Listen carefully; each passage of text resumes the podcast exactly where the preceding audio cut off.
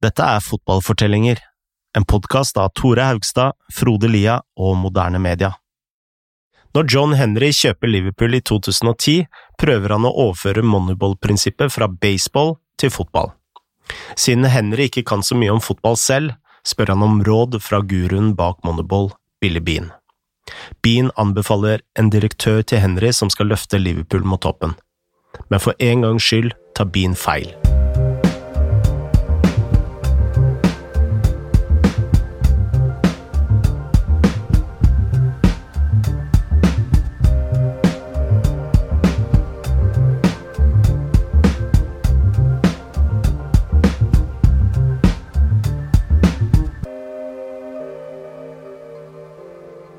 Klubben John Henry tar over i 2010, har ikke vunnet tittelen siden 1990. De siste 20 årene er det Manchester United som har blitt Englands mest suksessrike lag. Liverpool trenes nå av Roy Hodgson, som for noen måneder siden har ført laget til en syvendeplass. Ja, Liverpool var på sitt laveste punkt på mange tiår, men uh, om ikke annet da, så var jo eierskapet til Tom Hicks og George Gillette jr. endelig over. Inn kom No Henry, som sa at selskapet hans, Fanway Sports Group, var der for å vinne. Metoden han skulle bruke, var jo moneyball. Og som vi så i forrige episode, hadde jo dette fungert veldig veldig bra med Boston Red Sox. Men det var ikke bare å kopiere moneyball-prinsippet fra baseball til uh, fotball, Tore. Uh, baseball består jo av mange små sekvenser som enkelt kan måles i tall. Mm. Det er litt som om fotball bare skulle ha vært corner eller frispark. Mm. Men fotball er et mye mer flytende og uforutsigbart spill. Og det finnes mange eksempler på folk som bruker statistikk feil i fotball. Ja, det gjør det. Uh, og Henry var jo lur nok sjøl til å vite at han trengte råd om han skulle inn i fotballen og ha suksess. Så han ringte Billy Bean, uh, som også følger fotball ganske tett. Bean anbefalte Damien Comolli, en franskmann som hadde vært direktør i Tottenham, hvor han hadde brukt statistikk til å speide spillere. Du kan altså si at han var en slags disippel av Moneyball allerede da. Men denne oppskriften fungerte jo ikke så veldig bra. Vi husker jo at uh, The Red Sox uh, vant serien to år uh, etter at Henry tok over. Men Liverpool gjorde ikke akkurat noen kupp på overgangsmarkedet de første årene. Altså de, greit nok, de henta Louis Suárez og traff bra med Jordan Henderson etter hvert, men de betalte også i dyre dommer for spillere som Andy Carroll, Stuart Downing, Charlie Adam Ja, ja, ikke minst. Um, ja, det er jo ikke slagere på Anfield, dette her. Um, og det virka jo som om noe var galt med Moneyball. Liverpool kom på sjetteplass i 2011 og åttendeplass i 2012. Og Innen det så hadde jo noen måttet betale prisen for dette. Uh, Liverpool hadde sparka Kenny Daglish, som innen det tidspunktet hadde erstatta Hodgson. Og de hadde sparka Comolli. Og med det så så det ut som at uh, Moneyball hadde feila i fotballen. Vi snakket med Joshua Robinson om hva som gikk galt for uh, John Henry i disse årene. Or Henry brought the Moneyball principles to Liverpool, thinking that they didn't need to be adapted very much. Um, that really there was a lot of undervalued talent out there, and that people had been looking at the wrong metrics, um, just as they had been in baseball for a long time. And you know, they decided they were going to look at people who created a lot of chances or people who uh, passed the ball more in certain areas of the pitch, and that led them down some some wrong roads. Um, and it turns out that the Moneyball approach needed a lot of tweaks to work in football, but that also in football you had to bring a lot of cash um, to to supplement that. And if you didn't have the combination, then you really couldn't compete. And he had he had very little experience in football, and I think it took a few years to to build that up. Fenway visste nå at de måtte endre rekrutteringsstrategien. Da de ansatte Brendan Rogers i 2012, satte de opp en overgangskomité. Ideen var å fordele ansvaret på flere personer istedenfor å gi all makt til én direktør. Denne komiteen besto av Rogers, Ian Air, som var daglig leder, Dave Farrell, som var eh, sjef for eh, rekrutteringen, og analytikeren eh, Michael Edwards. Ja, og denne komiteen ble jo veldig kontroversiell. I vanlige klubber vet man liksom hvem som har skylda om rekrutteringa er dårlig. Men i Liverpool gikk det bare rykter om liksom hvem som hadde ønska seg den spilleren og den spilleren, og Rogers ville ha han, men komiteen satte foten ned og alt det her. Um, omtrent det eneste som var sikkert, var at komiteen ikke fungerte særlig bra. I 2013 og 2014 kjøpte Liverpool en rekke spillere som floppa. Og da Rogers nesten førte laget til tittelen i 2014, var det egentlig ikke pga. rekrutteringa, men på tross av den. Og jeg husker da Rogers ble erstattet av Jørgen Klopp i oktober 2015. Det folk lurte på, var jo hvordan han ville kunne jobbe med denne komiteen. Mm. Men under Klopp har jo rekrutteringen vært eh, strålende, og kanskje til dels for komiteen har jo endra seg. Ja, det er jo noe som har skjedd her. Uh, Ayn E er nå ute. Og ikke minst Michael Edwards, denne analytikeren. Uh, jeg tror han kom fra Portsmouth og hadde liksom ikke noe bakgrunn som spiller sjøl.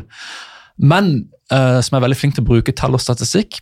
Han har blitt forfremma til sportsdirektør Mm. og hylles nå som hjernen bak mye av det Liverpool gjør bra. Liverpool eh, bruker fortsatt tall og formler når de kjøper spillere, og det er jo verdt å nevne at den økende kvaliteten på statistikken også har vært helt avgjørende for at eh, Moneyball eh, har fungert i fotballen. Ja, kvaliteten har økt enormt siden Komoli fikk jobben i 2010. Altså På den tida, husker du dette selv også, altså, det var antall pasninger, sjanser skapt, skudd på mål osv. Uh, men altså, kun siden Klopp ble, ble ansatt i 2015, så har jo selskap som Opta og Statsbomb bygga enorme databaser fra ligaer over hele verden uh, med tall.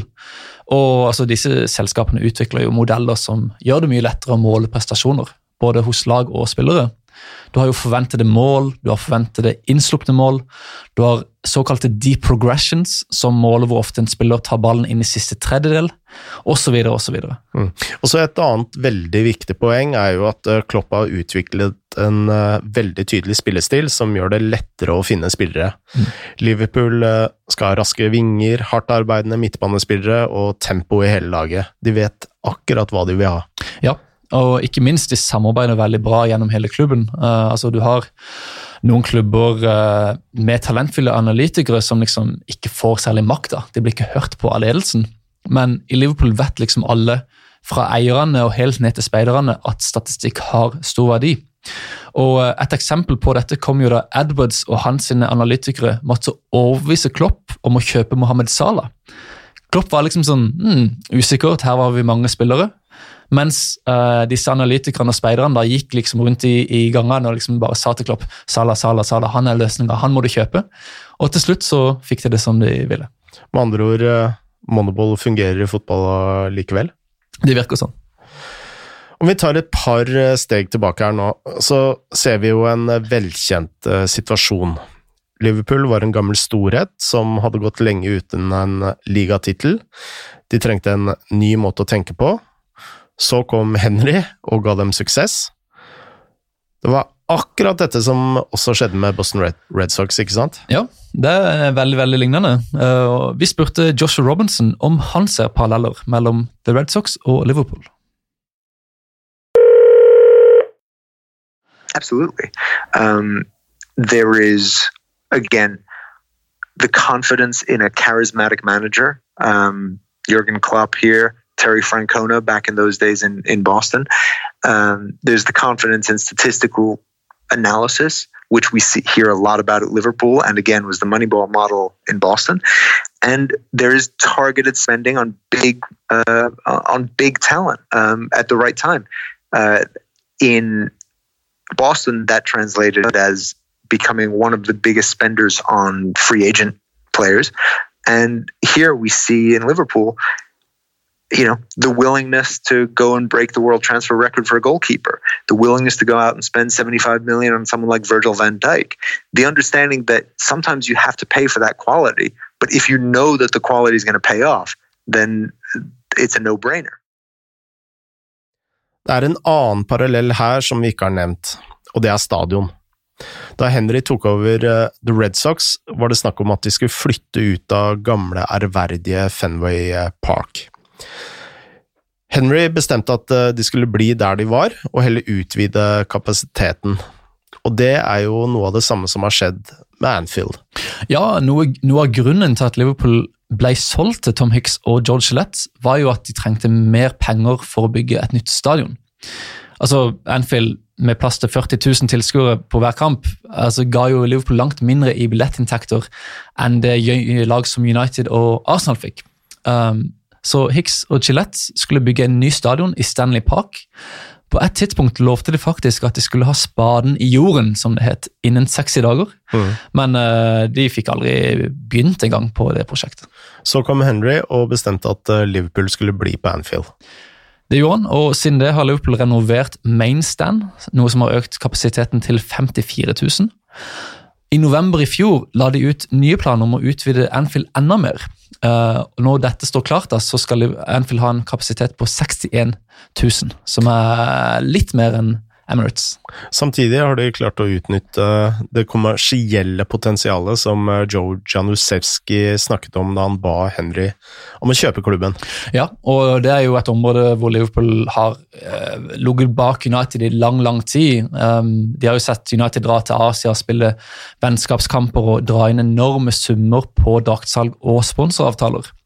Men nå er Liverpool med på leken. Um, forrige sesong tjente de faktisk mer enn både Chelsea, Arsenal og Tottenham. Og Målet for Liverpool må jo være å eventuelt ta igjen United. Vi har jo fått eh, hjelp av en eh, finansekspert gjennom hele denne sesongen.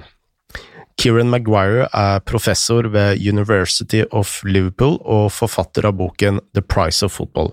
Vi spurte han om Liverpool er i ferd med å ta igjen United utenfor banen. Um, very much so. Um, I think Liverpool, uh, as, as, a brand, um, as a city, has, has, a unique place in in uh, not only local. When I work at the University of Liverpool, not only locally and domestically, but internationally. Um, on, on, the back is, is, that it is a city with a lot of history and heritage. Clearly, people also associate it with some of the cultural um, icons of the 60s and 70s here in the UK in terms of, of music and sporting success. And what they've managed to do is that under Jurgen Klopp, they've managed to have a, a very charismatic manager. They've made excellent decisions in terms of player recruitment. That's resulted in a far improved profile of the club um, in terms of Liverpool as a brand. And as a football fan, I don't like to use the word, but that's ultimately what they are selling. And um, therefore, sponsors have been willing to pay top dollar for that. Uh, yeah, we, we, we, are presently they are transitioning from New Balance to Nike uh, for the uh, for the kit manufacturing contractor, and I think the, the consensus is is that they will be getting um, a, a, the highest rate of commission of any club who has a a shirt manufacturing deal.